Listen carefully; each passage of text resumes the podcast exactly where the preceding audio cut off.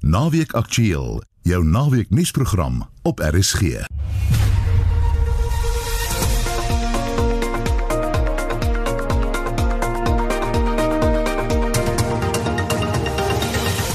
Goeiemiddag. In vandag se program die Kaapstad se metro en 'n inwoner twis oor 'n groot advertensiebord wat hy opgerig het. Most particularly at a time such as this, it is hard to comprehend how the city could even think to take issue such as this, let alone threaten legal action. AfriForum is bekommerd dat Suid-Afrika besig is om in 'n polisie-staat te verander. En talle Suid-Afrikaners in die buiteland praat oor die wêreldwye inperking weens COVID-19. Dis net omdat Suid-Afrikaners so verskriklik stubborn en liberaal is en dink hulle kan alles doen en jy mag niks wegvat nie. Voel hulle nou eweskielik baie verontwaardig en ontneem van allerlei dinge af. Ek dink dis 'n baie goeie ding want dit leer Suid-Afrika actually dat daar moet reëls wees. Baie welkom by Naweek Aktueel. Ons redakteur is vandag Hendrik Martin, Lewona Bekes is die produksieregisseur en ek is Marieta Kreer. Die burgerregte organisasie AfriForum is bekommerd dat Suid-Afrika onder 'n rampwetgewing besig is om in 'n polisie-staat te verander. Die organisasie beoog om 'n skrywe aan president Cyril Ramaphosa te rig waarin hulle kommer sal uitspreek oor die totstandkoming van die Nasionale Veiligheidsraad en die Suid-Afrikaanse Nasionale Veiligheidssekretariaat. Ons praat nou met AfriForum se hoof van gemeenskapsveiligheid, Een Cameron. Goeiemôre, Een. Goeiemôre. Hoekom is julle ouens bekommerd oor die skepping van hierdie strukture? Ek dink in die eerste plek is dit belangrik om te sê dat die dat die nasionale veiligheidssekretariaat of raad soos hulle dit stel uh aangekondig is of gepromoveer is en in die staatskoerant geplaas is voordat die inperking gebeur het. Dit sê vir ons die ANC is besig met 'n hele paar goed wat teenstrydig is met die grondwet en wat vir ons kommerwekkend is hiervan is volgens die die wet van die land en en die grondwet is dit is die wet die oppergesag en spesifiek die grondwet is die hoogste wet van die land. En vir daai rede is ons baie bekommerd dat daar geen wet uh gepromoveer of goedgekeur of gevestig is om toe te laat dat hier, hulle hierdie nasionale sekuriteitssekretariaat gevestig het of wil vestig nie. So ons voel net eenvoudig die regte prosedures is nie gevolg nie en ons is bekommerd dat hierdie lei tot die sentralisering van enige sekuriteitsmaatreëls of sekuriteitsbeheer in die land. Maar sou mense kon redeneer dat hierdie strukture bloot net daar is om die virus te bekamp nie? Is dit nie 'n noodsaaklike doel nie? Dit sou fantasties gewees het as dit die geval was. Ons het gelukkig reeds 'n nasionale beheersentrum en 'n nasionale uh uh soos hulle in Engels sê 'n command council spesifiek vir die COVID-19 tydperk. En soos ek sê, hierdie hierdie uh uh kennisgewing in die staatskoerant wat gepromoveer is, is voor die inperking van die virus al reeds aangekom. Dit wil sê dat hierdie al oor 'n baie lang tydperk kom, dat dit reeds oor 'n baie lang tydperk beplan word voordat dit aangekondig is en ek dink is klein toevallig dat dit nou ehm um, na vore kom en en dat ons byvoorbeeld daaroor praat tydens die inperking. Is daar 'n rede om te dink hulle gaan dit vir iets anders gebruik? Ek dink ons is bekommerd oor die oor die manier wat byvoorbeeld 'n minister soos Bekkie Cele op die oomblik sekere dinge doen. Daar's 'n daar's 'n ab, absolute ehm um, autoritaire tipe manier van van met die hantering van misdrywe of of klein misdade in die land het hierdie week byvoorbeeld 'n ou tannie wat gearresteer word omdat sy atchar langs die pad verkoop in die in die suide van Gauteng. Ek het ook 'n positiewe storie gesien waar selfde 'n ander ou tannie wat ook atchar verkoop het hierdie polisie net begelei is terug na haar huis toe wat sy nie gearresteer is nie, maar die punt is net ons sien dat op die kleiner misdrywe word daar nou so gefokus en die werklike gevaarlike goed word nog steeds nie aangespreek nie en ons moet eerder kyk na dit wat belangrik is. As jy pas ingeskakel het, ek is besig om te gesels met die hoof van gemeenskapsveiligheid by AfriForum, een Cameron. Een, maar ons bevind ons tog op die oomblik in 'n ramptoestand. Dis nie 'n noodtoestand nie. Daar is tog 'n verskil tussen die twee, né? Verseker. Ehm um, ek dink die volgende vlak sou 'n noodtoestand wees en ek dink hulle sou baie versigtig wees om 'n noodtoestand aangekondig. Natuurlik is daar 'n hele paar ander uh, stel reëls wat dan in werking sou tree. Ek dink die gevaarlike ding op hierdie stadium is dat ons reeds sien dat ongelukkig van 'n nasionale vlak af is daar polisielede wat uh, eintlik 'n bietjie magsbehep is en daar's ander wat nou weer verskriklik hard werk om om baie te doen met min hulpbronne. So mense moet ook nou nie almal onder dieselfde kam skeer nie. Die beginsel is egter as ons 'n klein bietjie gaan toelaat van hierdie tipe oortredings, dan kan dit begin sneeubal in sekere areas en dit kan wesenlike skade in die land aanrig. Ian, hoe sien julle die mobilisering van die meer as 70 000 troepe wat vroeër hierdie week bekend geword het? Ek dink dit kan 'n groot verskil maak. Ek dink as dit op die regte manier gedoen word, kan dit 'n positiewe aksie wees. Ek ek is nie 100% seker of ons weermag die ehm um, die vermoë het om dit te doen nie om daai mobilisasie mm. te laat mhm. plaasvind. Ek weet hulle is reeds onder geweldige druk met die 3000 troepe wat tans ontplooi is dwars deur die land. En uh, en ek hoop ek hoop vir hulle part en vir ons part dat dit suksesvol sou wees. Ek dink veral in in areas wat baie moeilik polisieerbaar is, baie van die informele nedersettings waar die polisie onder verskriklike druk werk met baie sosiale uitdagings en ook met die met die hongersnood wat dreig. Uh gaan ons gaan ons regtig enige addisionele hande nodig hê en hopelik kan dit op 'n positiewe manier aangewend word. Wat gaan julle doen as die president nie gehoor gee nie? Ons sal dit oorweeg. Uh, ons het reeds met ons regspan geskakel en ons sal dit oorweeg om om direk na die grondwet hof toe te gaan. Natuurlik sou ons eerder in gesprek wou tree en mm. kan kyk hoe ons tot 'n vergelyk kan kom. Ek dink veral in 'n tyd soos hierdie is dit belangrik dat 'n mens nie onnodig net gevegte aansit nie, maar iets soos hierdie kan 'n wesenlike impak op die land se se se toestand hê in die toekoms en die manier wat ons dinge in Suid-Afrika ken en en kan doen en ek dink dit kan 'n groot impak ook op op jou privaatheid hê as persoon want dit beteken ons kan byvoorbeeld onder die naam van tesourie kan hulle sekere inligting begin insamel oor mense se finansies byvoorbeeld uh en en dit tel vir enige ander afdeling of enige ander departement in die staat wat ewe skielik is hier 'n sentrale liggaam wat werklik onder die naam van nasionale sekuriteit verskeie eintlik misdrywe soos ons dit tans ken kan pleeg en 'n verskoning daarvoor hê wat kampstig legitiem is. Baie dankie. Dit was Afriforum se hoof van gemeenskapsveiligheid, Ian Cameron. Ons het in die verlede met geleentheid oor die gelukkig gelukkigheidsindeks gepraat. Die indeks het 'n kruin bereik tydens president Cyril Ramaphosa se staatsrede, maar het sedertdien ingrypend gedaal as gevolg van die COVID-19 pandemie. Dit het die afgelope week 'n nuwe laagtepunt bereik. Ons praat nou met een van die ekonome wat vir die indeks verantwoordelik is, professor Talita Gryiling van die Universiteit van Johannesburg. Goeiemôre Talita. Goeiemiddag en dankie vir die uitnodiging. Ek moet sê gee ons net 'n bietjie agtergrond. Wat presies is hierdie indeks? Hierdie indeks meet sentiment of die die sentiment van 'n uh, gemeenskap of dan Suid-Afrika. Ons gebruik wat ons noem big data of organiese data om dit meer te um, om te bou. En so met ander woorde, ons kan amper teen die regte tyd so soos dinge gebeur kan ons sê wat is die sentiment van die land soos byvoorbeeld dis tydens die toespraak van professor ag professor Ramaphosa ehm kon ons sien presies wat gebeur met die sentiment van die land. So aanvanklik was hy baie opgewonde net voor die toespraak en soos die toespraak aangegaan het, het ons gesien hoe hulle sentiment gedaal het tot op nuwe vlakke. Ons het nog nie sulke laagtepunte ooit gehad ehm um, op ons sentimentmeting wat ons dit is 'n per uurlikse gemiddelde meting dan. Dit is nou nie per dag nie, maar vir daardie uur het ons nooit so lae meting gehad. Yes, like. Kan jy vir ons 'n bietjie meer besonderhede gee? Presies watter emosies ervaar die mense? Ons het onlangs verder begin met die ontleding. Ons het aanvanklik net sentiment gemeet, positief of negatief.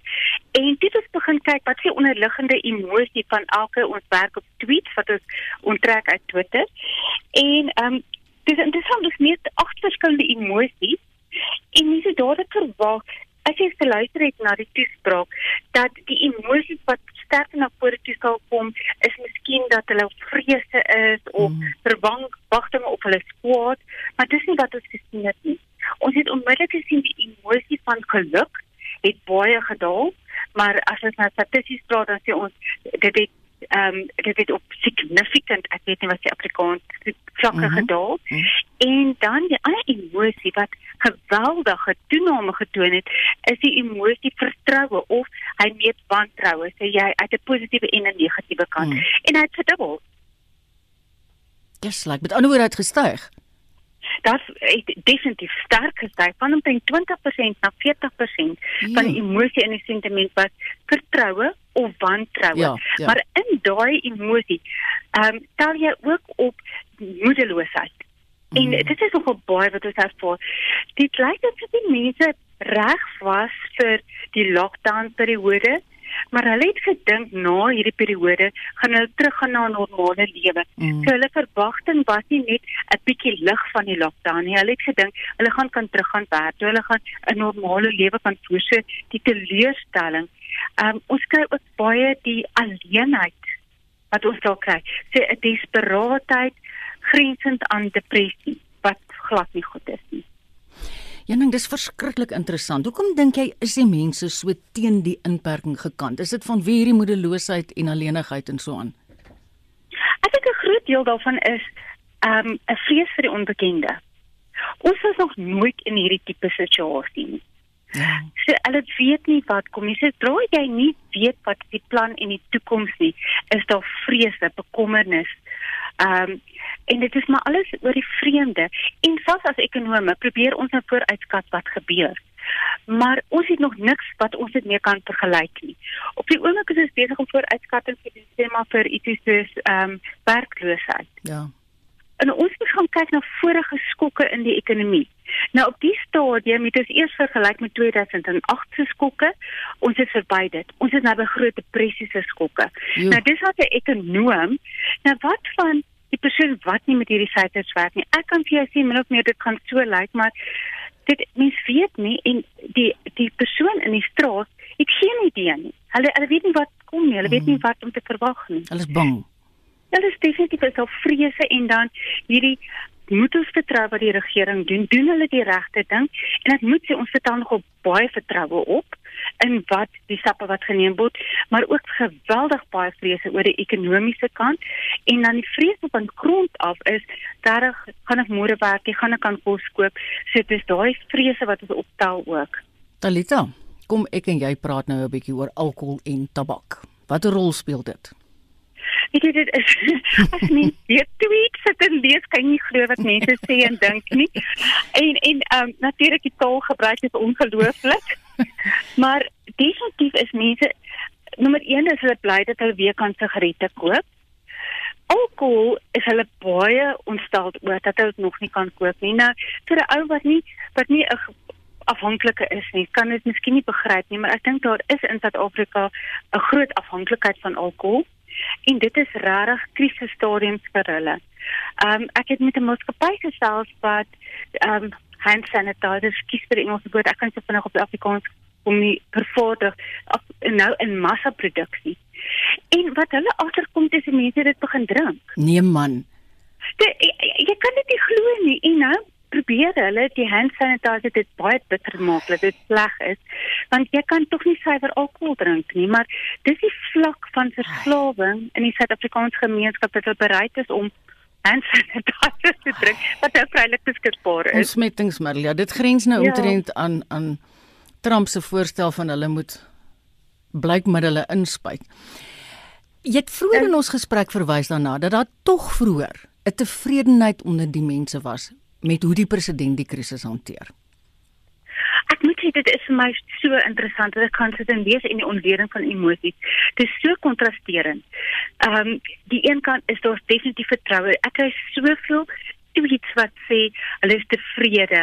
Uh president Ramaphosa doen so goed onder hierdie omstandighede. Ook baie simpatiek teenoor hom. Mm. Wat die mense sê, hulle kan sien hy is moeg. Hulle kan sien die hoeveelheid stres wat hy hanteer. Mm. Ehm um, sy hele toespraak en toe met die masker wat hy oor sy gesig trek.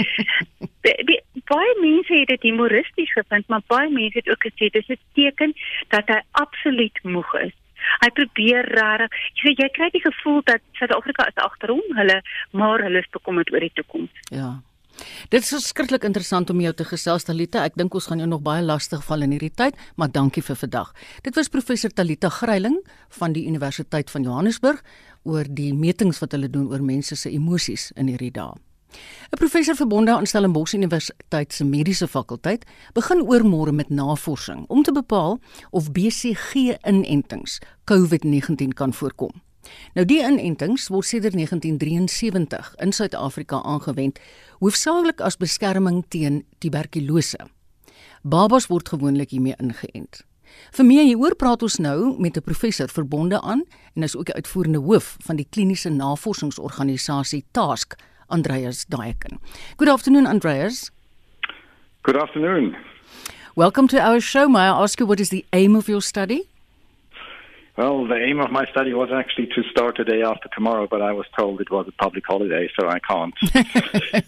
um, Sorry about so, that.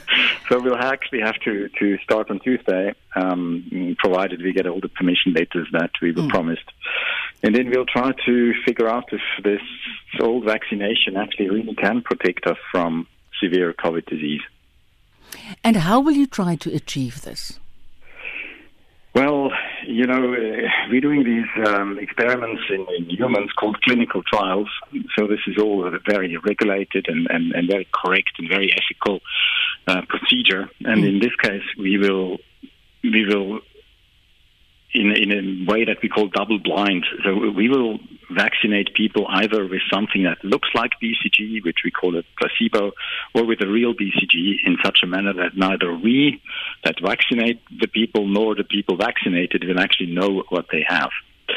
And after that, we will contact them regularly, perhaps weekly, perhaps monthly, depending on how, how fast our epidemic goes. Mm. And we'll try to figure out if there really is a protection uh, provided by BCG. Andreas, may I ask you why are you specifically looking at the BCG vaccine in terms of COVID precautions?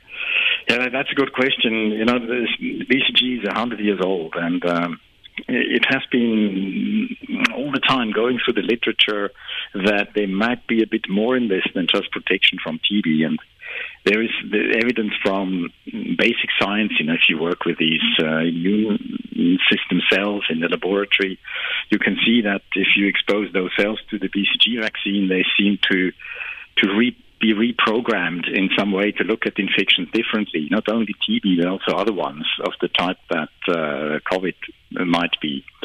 And there's also been observations that uh, countries that have this vaccination for BCG, the children, the babies that are given it, are protected not only from TB but also from other things. So the overall mortality or the rate of babies mm. that eventually die is lower. And then now there were observations that countries that actually have such a policy in place, you know, that they vaccinate all the babies, they seem to be doing better with the COVID statistics. I mean, all this, none of this is conclusive, but there is lots of little pointers that there might be something in this BCG vaccine. Am I right in saying that there are skeptics of the BCG vaccine? Look, there's always, uh, if, if you do something interesting, there's always skeptics. it basically means that you are doing something interesting and something that should be done. So the, the one uh, group of skeptics says that you know, if it doesn't uh, help uh, for for TB in adults, which we know it doesn't, how would it help for COVID? And then the other group says we are so stimulated with all the tuberculosis that we have around the country that vaccinating somebody with a baby thing won't make a difference. yeah. so obviously, everybody has an opinion, you know, and that is actually the interesting thing. We need facts uh, to to, um, to to to know and uh, and overcome that opinion thing. Why are task? Well, I suppose the whole task team does. Why are you specifically focusing on healthcare workers? Yeah, well, two reasons. Firstly, I think uh, they're obviously close to my heart because I'm one myself, and secondly, um, they will probably be exposed the most. Um, if you mm. look at the epidemic coming and the way we handle it, we will you know, quarantine people, isolate people, and also in hospitals there will be special uh, wards and units that look after them. So the people that work there will probably be exposed the most. Yes. And so any any effect that we can have from BCG will probably be showing there the quickest, and that's why we choose them. Since you haven't really started and you're only doing it now on Tuesday, do we have any idea when we can expect results? well, that's also a good question. So we we we have uh, it set up in such a way that a panel of experts that are actually sitting mostly overseas, they will be looking at the results live. So so neither us nor the participants will know what they had, but they all have a number. And that the, these mm. people overseas, they will know when something is reported if this person had BCG or not. So they can actually watch the difference emerge if it does. And they will have regular meetings, and if we have a robust signal that BCG actually does something good, mm. they will ask us to stop the study and make the result known so that everybody can actually be vaccinated. Wonderful. That's this sounds very yeah. expensive. Who's funding this? well, the, the, the, vaccine is very cheap, so that's not expensive. And at the moment, most of my research staff, because of lockdown, they don't really have uh, something to do. They're all sitting at home doing admin. Mm-hmm. So we've decided to, to, to just do 500 of, of these vaccinations basically for free. We're just starting the study and we fund it ourselves. Mm-hmm. But we, we did ask diverse, you know, uh, funding bodies for support. But we, we don't want to wait, you know, until we have set yes. this up. Mm. Because mm. if the vac- if the vac- uh, vaccine really helps and the epidemic comes fast, mm. every day counts. And so you're in a rush to get there. Yes, and it's actually really not good that Monday is a public holiday. As you found out. Thank you very much for your time and I hope it goes very well. We're all behind you. Dit was Andreas Daikon, 'n professor verbonde aan Stellenbosch Universiteit en uitvoerende hoof van die kliniese navorsingsorganisasie TASK. Die Suid-Afrikaanse ekonomie sal volgende jaar weer herstel en 'n groei traject volg na die insinking weens die koronaviruspandemie. Dis nou volgens die minister van Finansies Tito Mboweni wat die media ingelig het oor die implementering van die stimuluspakket van 500 miljoen rand, 500 miljard verskoning rand ten einde die ekonomiese impak van die pandemie op ondernemings en landsburgers te verminder.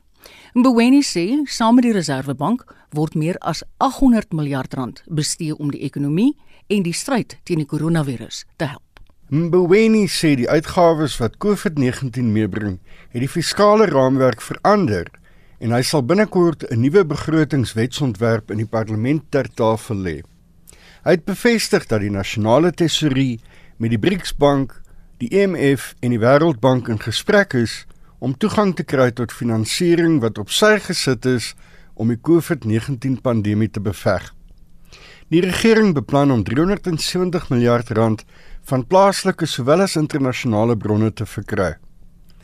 Mboweni sê die regering sal ook sommige van sy programme uitstel sodat hy 130 miljard rand aan uitgawes kan toewys. We are going all out to remove from the budget all items which can be postponed.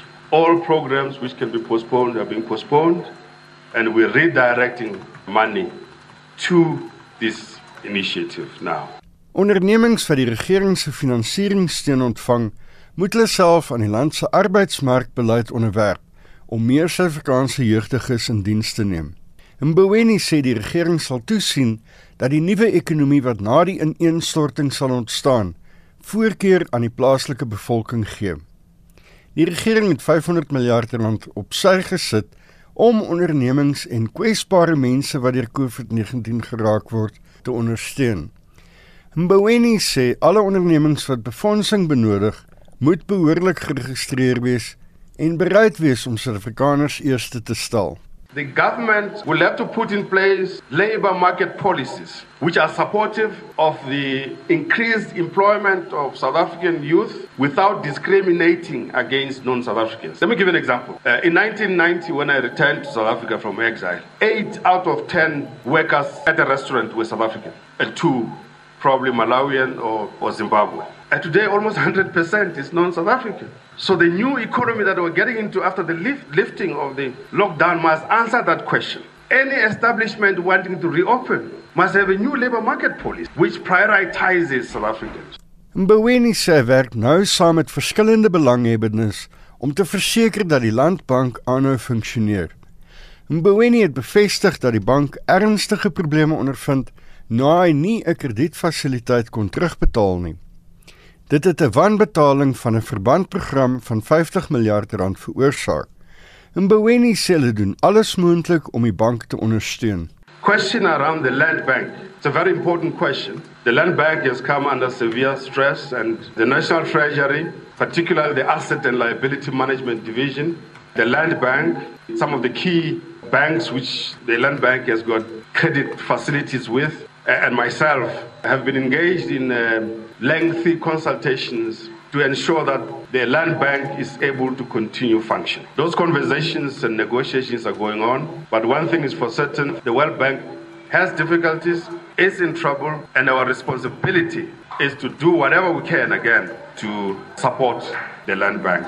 Hierdie bydra van Chepu Mongwai van ons finansiële redaksie en ek is Hendrik Martin vir SAK nuus.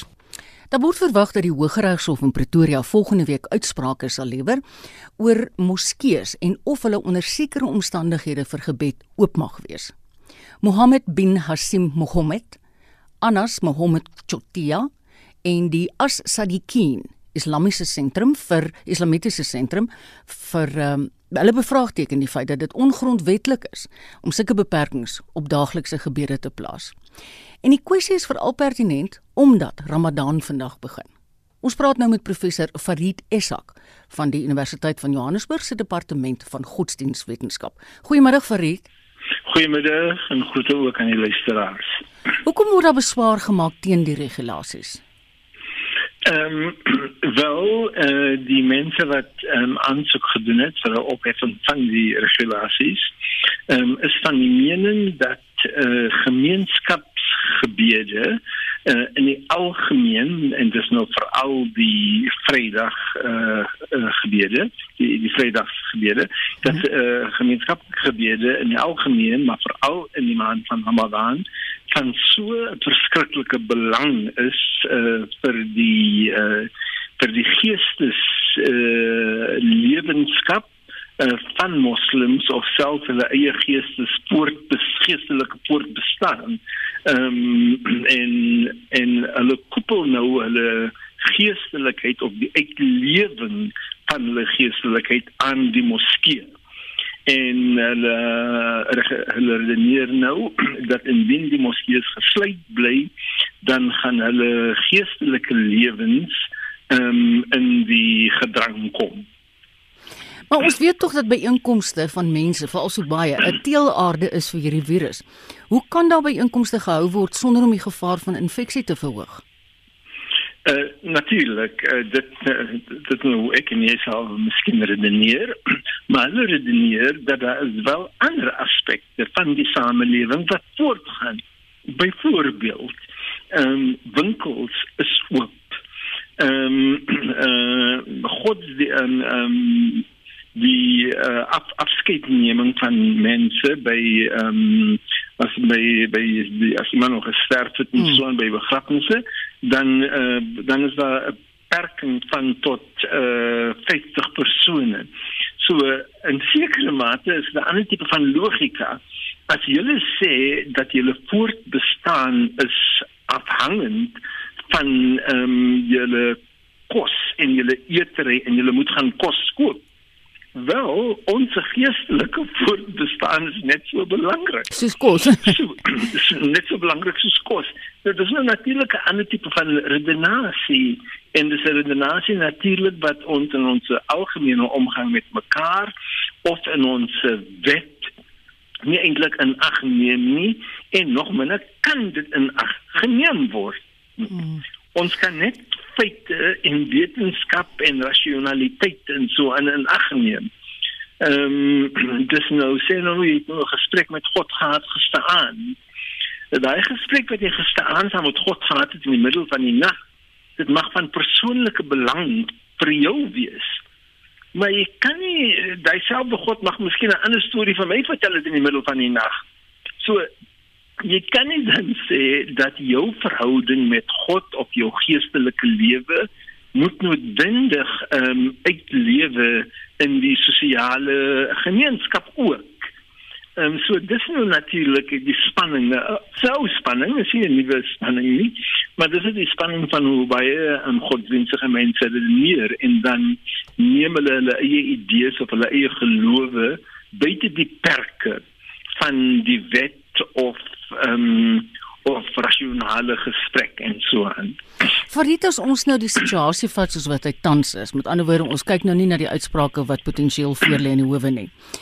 Hoe kan die moslimgemeenskap Ramadan kan vier binne hierdie beperkings? OK. Nou ehm um, dis dit is um, ek verstaan vir hy ouens, dis 'n moeilike tyd. Want uh, die ehm um, die eintlike vereistes van Ramadan is verskriklik eenvoudig. Dit is jy moet jouself weerhou van enige tipe van seksuele omgang mm -hmm. en van ete en drinke, uh ete en drank van uh wel 'n uur of twee voor uh die begin van dag uh tot uh dit nou um, tot uh na, net na skemer of net tot die maand gesak. So dis verskriklik eenvoudig. Maar dit is dan gekoppel ook aan 'n 'n meer intensiewe geestelike jy moet nou meer doen, jy moet nou meer bid, jy moet nou meer Koran lees en so aan. Maar dan, dit is nou die die opsionele godsdienstige vereistes. Maar dan is dit ook nog op 'n groter ding. Dis 'n hele dis 'n maand van ons eet met mekaar, ons nooi mekaar uit ten minste 2, 3 keer in die week gaan eet jy by ander familielede. Dis 'n tyd wanneer 'n familie saam is. Dis amper soos 'n Sondag. Jy word verwag om kerk toe te gaan, maar dis ook 'n Sondag maaltyd by die huis. Ons gaan saam kerk toe. Ons eet saam as ons terugkom. En dit gebeur natuurlik net een keer in die maand. So al hierdie dinge word geaffekteer. Mm. Jy eet gewoonlik by jou familie, maar as jy nou net met draai woon en jy woon alleen, dan moet jy maar nou alleen eet. Mm. Um, wat word gedoen um, om um, in, in 'n sekere manier om om bykomende uh, maatreëls in te stel wat hierdie uh, in 'n sekere sin die druk kan verlig op ons. Wel, sosiale media, daar word das klomp programme op die internet waar jy kan aansluit sommige vir Zoom gesprekke, ja. ehm ja. um, geestelike uh, uh, gebede word gehou en dan is daar natuurlik en hier is uh, soms een met die Jode. Ehm um, is dit ehm uh, is dit toegelaat of nie volgens godsdienstige wet? Daar gaan skrowwe debatte aan in die Joodse gemeenskap uh, of mense nou 'n godsdienst ehm uh, um, godsdienst uh, kan 'n uh, uh, diens kan begelei mm. um, deur die internet of deur sosiale ja. media en so. So hierdie dinge gaan ook maar aan, maar ek dink dit is 'n bietjie ligter uh, hierdie debat is 'n bietjie ligter vir die moslems. So daar's 'n klomp uh, media Ehm um, dis amper so 'n groot buffet menu ehm um, dat jy kan kry op jou op jou spyskaart. Uh, en jy kan ook kies van is dit nou meer pro pro progressiewe uh, oriëntasie of meer tradisionele ja, of meer ja, ja. ortodoks. Daar's 'n groot mark op die oomblik ons is spoiled for choice. um, Baie dankie ja. Farid. Dit was professor Farid Esak van die Universiteit van Johannesburg se departement van godsdienstwetenskap. Suid-Afrikaners is heel moontlik al keelvol vir hierdie ingegrendelde toestand. Tog is daar baie lande waar die COVID-19 voorkomingsmaatreëls nog strenger is as hierso. Anne Marie Jansen van Vuren doen verslag. Marokko het vinnig ingespring en streng maatreëls ingestel om die verspreiding van COVID-19 te verhoed. Op 15 Maart is internasionale vlugte gekanselleer en op 20 Maart het die land in 'n algehele inperking ingegaan. So vertel 'n Suid-Afrikaner, Isolde Viljoen, wat sedertdien in die land gestrand is. Marokko was een van die eerste lande wat die strengste was oor die regulasies. Die meeste winkels is in elk geval toe, maar byvoorbeeld die supermark maak 3 uur toe en jy mag nie sonder 'n masker op straat gesien word nie. Eergister het ek 'n berig gesien dat daar 22000 Morokkans al gearresteer is omdat hulle op verkeerde tye op straat was. Na 3 mag jy nie jou neus by die deur uit sit nie. Ons het eendag geloop na 'n apteek toe en ons was twee mense en toe het hulle langs ons gestop en uh, hulle kon nie Engels praat nie. So ek weet nie wat hulle met ons wou doen nie, maar hulle was glad nie gelukkig met die feit dat ons op straat was nie. So dit is baie streng, maar dit is ook ongelooflik om te sien hoe wetsgehoorsaam hierdie mense is. Daar niemand oortree 'n reël nie. 'n Joernalis in Marokko, Elias Kalafi, plaas dit in perspektief. What was specific in Morocco, you have to get a document So the authorities distributed the document, and every time you have to go out, you have to fill in the document, like the form, and to give it to authorities. So you just saying, "This is what I want to do outside," each time if you're stopped, you're going to give them, and if they found out that you're not doing this, so you're going to be in trouble. Kalafi sê omdat al die landsburgers verplig is om gesigsmaskers te dra as hulle op straat verskyn, het die owerhede verskeie sakeondernemings gevra om dit te vervaardig. Teen die einde van Maart het hulle reeds 2 miljoen maskers per dag gemaak. Starting from the second week was 5 million masks a day, which was huge. So they supplied the needs in all the country. And then companies started to make ventilators. I don't remember the number exactly. and So far, like every day, produce ventilators to make sure we'll be able to come in to help patients who need them. So these are what Morocco did. Wat van ekonomiese maatreëls? Volgens Kalafi is Marokko baie afhanklik van onder meer buitelandse beleggings, uitvoere en toerisme. And on the transfers of money from the Moroccans that are living mostly in Europe. So all of this was cut in like one moment so there was no more money coming to the country. So the, the authorities tried to think about that and they created fund that started with 10 billion dirhams so i don't know what's the amount exactly in dollars. And this fund was open to everybody to contribute. So there was quite a good sense of solidarity by the Moroccans. Like the rich and the poor and everybody contributed to this. And so far i think it went from 10 to 40 billion. So this one will go to subsidize the unemployed people and people affected directly. Uh, and the companies of course are affected. Christopher Maree is 'n Suid-Afrikaner wat saam met sy gesin in Abu Dhabi woon en werk. Hy sê hulle het ook tans 'n algehele inperking wat beteken dat hulle 'n permit nodig het as hulle basiese inkopies wil gaan doen. As jy uitgaan sonder 'n permit dan word jy obviously gefine 5000 dirham of gelykstaande aan 25000 rand. Dit hang af van wat jy doen. As jy uitgaan sonder 'n permit is dit 5000 en as jy multiple infractions het dan kan dit duurder raak. Maar dis is so erg wat mense dit maak nie. Ek meen mense koop maar en mense gaan maar aan. Ek meen ons het maar aangepas hierso en hopelik gaan dit vinnig oor wees. Ja, die ander gemaklike ding is ons supermark is 24 uur oop die beperkings is nie vir ons so erg nie. Ek meen want in Suid-Afrika is die mense baie liberaal en hulle voel dit allerhande menseregte en jy mag nie dit en jy mag nie dit aan hulle doen nie. Ek dink definitief die beperkings wat Ramaphosa op die mense geïmplementeer het is eintlik die beste beperkings. Dis net omdat Suid-Afrikaners so verskriklik stubborn en liberaal is en dink hulle kan alles doen en jy mag niks wegvat nie. Voel hulle nou eweskielik baie verontwaardig en ontneem van allerlei dinge af. Ek dink dis 'n baie goeie ding want dit leer Suid-Afrika actually dat daar moet reëls wees. Hier waar ons in die UAE leef, is daar anyway so baie reëls en jy leer om aan te pas en saam met die reëls te werk en toe hulle obviously die beperkings in werking plaas. Toe was ons nogal redelik maklik om aan te pas daarop. Sê hulle streng met ons, maar ek meen hulle is nie onredelik nie. Hulle wil definitief die landsburgers en die mense veilig hou. So die mense was baie baie samewerkend oor al die beperkings wat hulle ingeplaas het en die mense, hulle die, die regering nogal baie geprys hierso daaroor. Karel Pretorius woon net buite Boston in die deelstaat Massachusetts. Die dorp waar ons bly, Needham, het drie ouer huise en in die drie ouer huise het daar nou al 25 bejaardes gesterf van COVID-19. Hy sê hulle inperking is nie so streng soos Suid-Afrika se nie, maar sakeondernemings is steeds gesluit. Ons verlaat regtig net die huis om oefening in te kry of om dan sekere inkopies te gaan doen baie mense, ek sal sê amper 50% van die mense kry selfs hulle inkopies en vars vrugte en groente word afgelewer. Jy sien geweldig baie Amazon voertuie wat pakkies aflewer en en selfs kredietware aflewer. Meeste mense is baie gedissiplineerd en bly by die huis. So mense sien baie min aktiwiteit in die dorp. Sekere state in Amerika gaan al van volgende week af probeer om sekere nie noodsaaklike besighede oop te maak, maar in Massachusetts is daar nog geen teken daarvan dat enige tyd binnekort enige van daai besighede gaan oop maak nie. Ons skole is reeds gesluit vir die res van die akademiese skooljaar. So dit beteken ons kinders kry al hulle skoolwerk virtually. Daar word um, Zoom klaskamer sessies gehou en alles word deur die internet gedoen wat natuurlik 'n heeltemal 'n ander manier van leer is as waarna ons gewoond is.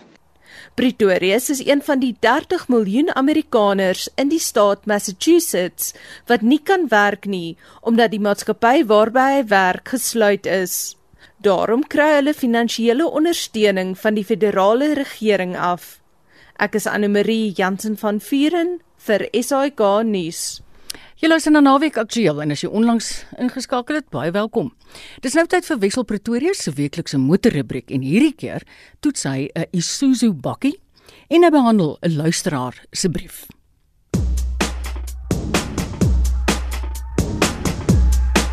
Die Jaguar I-Pace is die week deur die SA Gilde van Motorjoernaliste as Suid-Afrika se motor van die jaar aangewys. Dis die eerste keer dat 'n Jaguar en 'n elektriese voertuig die kompetisie wen. Ek het 'n brief ontvang van Bart Hendriks van Randfontein. Hy skryf: "Iets waaroor ek as 'n luisteraar wonder is hoe motoronderhoud en herstelwerk nou tydens die COVID-19 krisis werk. Onder die gewysigde regulasies lyk dit of werktuigkundiges en motorhawens nou wel herstelwerk kan doen." Maar wat as die probleem iets soos remligte of vonkproppe is, skryf hy. Dit het ek nog altyd self binne 'n paar minute vervang. Moet ek nou 'n werktuigkundige R400 plus betaal vir 'n baie eenvoudige taak? Of vra Bart, is daar 'n opsie dat ek self die onderdele kan aankoop al is ek nie 'n werktuigkundige nie? En hoe sal die situasie onder gevaar vlak 4 lyk? Vra hy. Ek het gaan aanklop by Nicolou, die tegniese konsultant by Kaarttydskrif en die besigheidsontwikkelingsbestuurder by SVU Gepantserde Voertuie. Ja, Wessel, ons is nog nie 100% seker van al die details wat vlak 4 gaan inhou nie, maar sover ek verstaan, gaan dit nog net wees dat herstelwerk gedoen kan word op essensiële dienste se voertuie en dan kyk ons na ambulanse, polisiekarre, sekuriteitsvoertuie, natuurlik die trokke wat die kos moet aflewer en so aan. So die onderdeur winkels is wel oop, maar hulle kan ook net parte verkoop dan vir die herstel van voertuie wat gebruik word vir essensiële dienste. So waar laat dit nou die privaat eienaar? So ongelukkig vir Bart, ek dink nie ons kan op die oomblik ons voertuie laat diens nie. Gelukkig omdat ons by die huis moet bly, ry ons ook nie baie met die voertuie op die stadium nie. So dis daarom een goeie ding of dan nie lang afstande nie. Ja. En ek het gehoor baie vervaardigers is besig om hulle diensplanne en hulle waarborge aan te pas of te verleng weens die feit dat min mense op die oomblik ry en dit geld selfs vir versekeringsmaatskappye wat die premies begin afbring omdat die voertuie by die huis bly. So ek dink dit is daarom 'n goeie ding. Ek sou nie aanbeveel dat eienaars nou moet begin werk aan hulle voertuie wat veral nog onder waarborg is nie voordat hulle goedkeuring by die handelaar gekry het nie want die, die kans is goed as jy nou begin werk in jou voertuig wat onder waarborg is dat jy daai daai waarborg gaan verloor.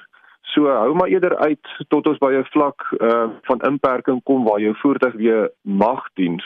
Dis natuurlik 'n uitstekende tyd om aan jou klassieke voertuig te werk as hy daar onder 'n seil staan in jou garage. Nikkel, wat moet 'n ou doen om jou voertuig in hierdie tyd van inperking in topkondisie te hou? Wissel dis natuurlik nie 'n goeie idee om 'n voertuig net te laat staan nie. Ons almal weet baie keer gaan die goed sommer verkeerd van 'n voertuig wat net daar staan. So ek sou ten minste een keer 'n week as jy kan jou voertuig uitneem om byvoorbeeld winkel toe te gaan om die essensiële produkte te gaan aankoop, is dit 'n goeie gedagte. As jy 'n batterylaaier het, want onthou jou battery is maar die eerste ding wat gaan swaar kry as jou voertuig nie loop nie.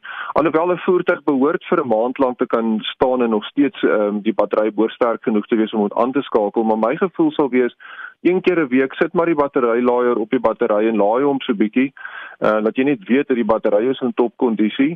Party ouens sê man, start jou jou enjin laat hy nou maar bietjie leier vir 'n ruk, maar onthou nou net uh jou enjin moet omtrent vir 10 minute lank leier om daai een keer wat jy hom aangesit het, daai energie weer terug in die battery te sit. So dis nie altyd die mees effektiewste metode om dit te doen nie. En natuurlik 'n enjin wat leier, dis nie altyd die beste ding vir die enjin nie. Dit vat baie lank vir hom om op temperatuur te kom en natuurlik al daai uitlaatgasse maak maar seker jou voertuig staan dan buite die huis en nie in die in die motorhuis nie. Maar ja, my my gedagte sal wees kyk of jy jou motors een keer 'n week net kan uitvat vir daai eh, aankopies wat jy moet doen en dan behoort alles reg te wees. So antwoord Nicolou van SVU Gepantserde Voertuie as ook die tegniese konsultant by Kaarttydskrif. Stuur gerus enige motornavrae aan my deur te e-pos na wissel@rsg.co.za. Dis wissel@rsg.co.za. Ek het voor die inperking kans gekry om Isuzu se D-Max X-Rider dubbelkajuit 4x2 te ry. Met die X-Rider probeer Isuzu 'n stylvolle pakket bied teen 'n relatiewe bekostigbare prys. So net die 2.5 turbo diesel in die X-Rider modelle, nie die top Isuzu bakkie se 3 liter nie. Aantreklik buite, opvallend netjies se 18 duim alloy wiele met fris stekkies. Dagryligte in die vorm van 'n hoofletter L, asook sytrappe, 'n rolstaaf, 'n sleepak en X-Rider kentekens. Binne kry jy leer op die sitplekke, stuur en radkierie met rooi stukwerk en die rooi X-Rider logo is in die leerkopstutte geborduur. 'n Raakskerm doen diens, maar jy kry nie tog beheer nie.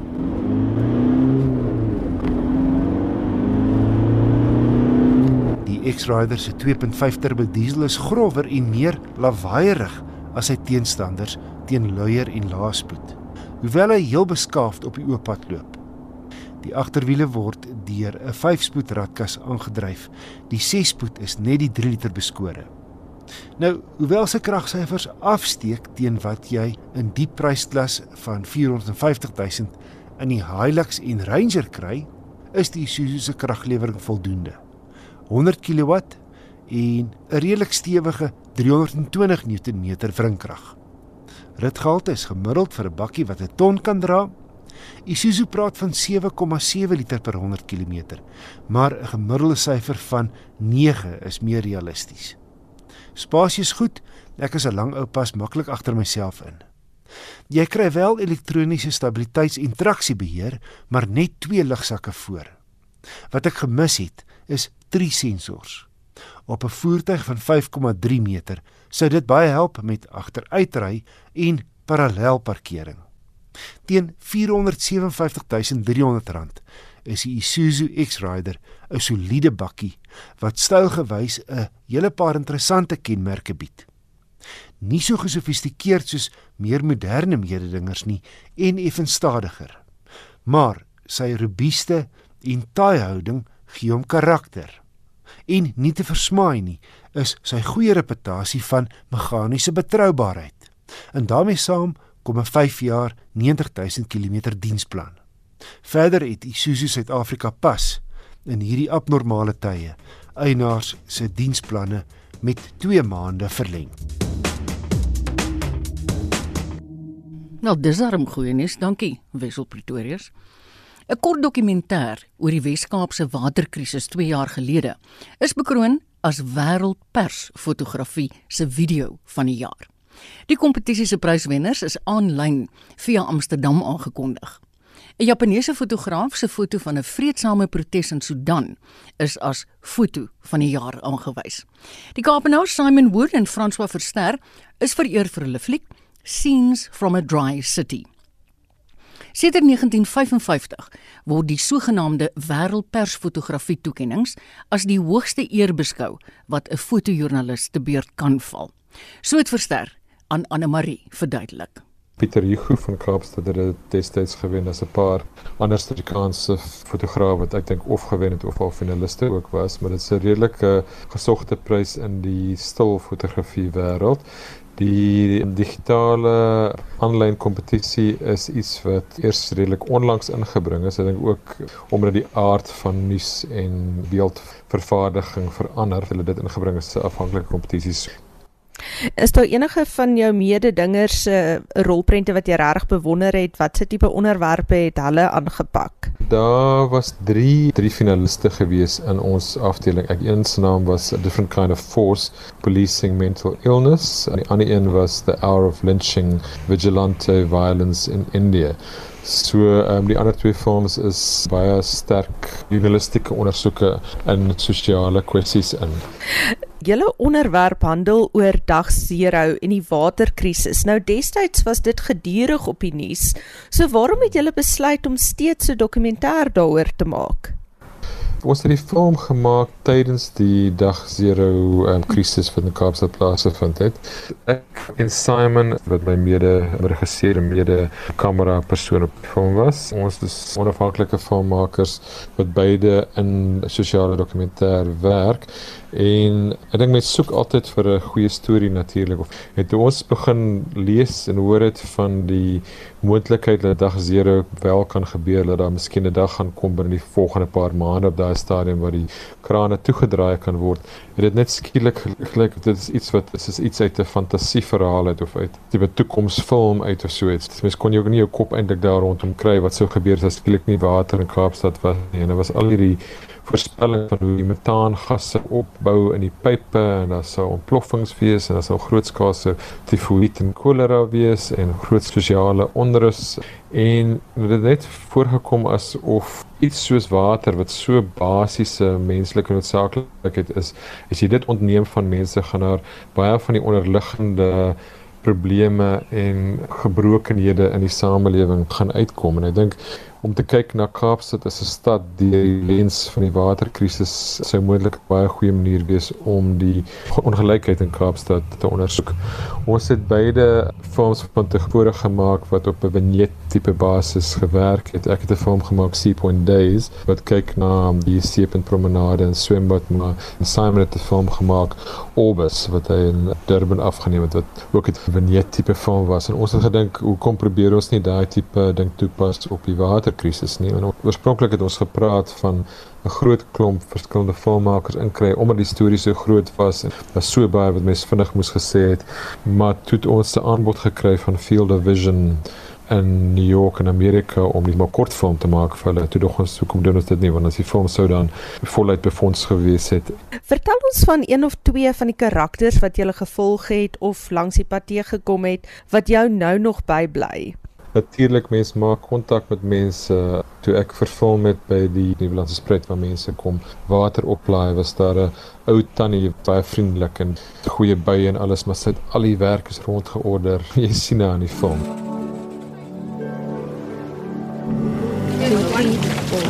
Six, seven, eight. Those are mine. And who's the big? Great. Come on. Natuurlik om saam met die polisiemanne te ry terwyl hulle werk doen. Arresting officer? We need some backup here. Okay, copy. We have level 6B water restrictions where you are not allowed to use the municipal drinking water for anything else except drinking. Hierdie film het bietjie meer van 'n afstand blik op mense gehad. En dit was die dokumentêre rolprentmaker François Verster en hy was in gesprek met Anne Marie Jansen van Vuren. Ons staan einde se kant toe met ons program.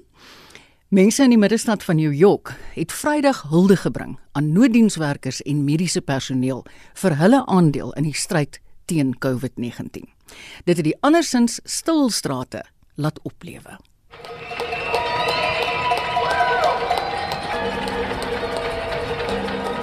Baie inwoners in woonstalgeboue in 110de Straat Wes en Broadway Straat het by vensters uitgeleun en hande geklap. Sommige het op potte en panne geslaan.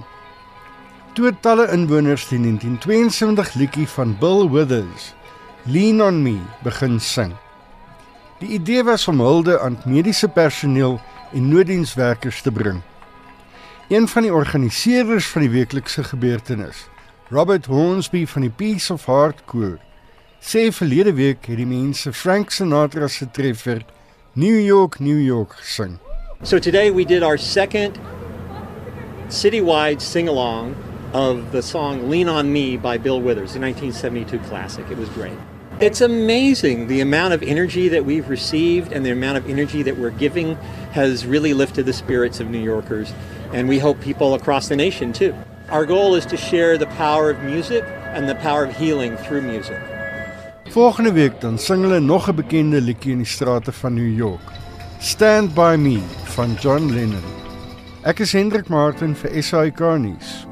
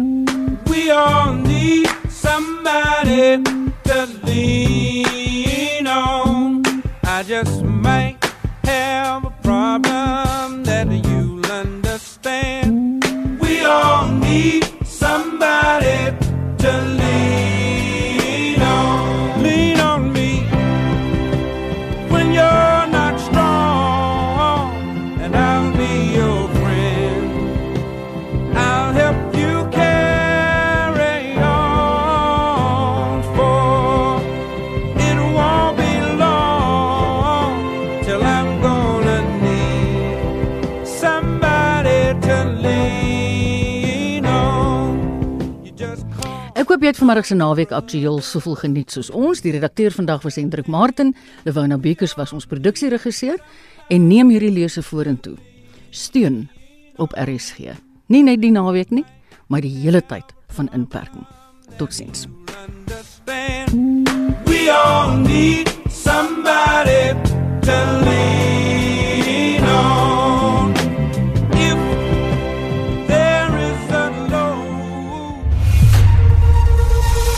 SAK nuus. Onafhanklik, onpartydig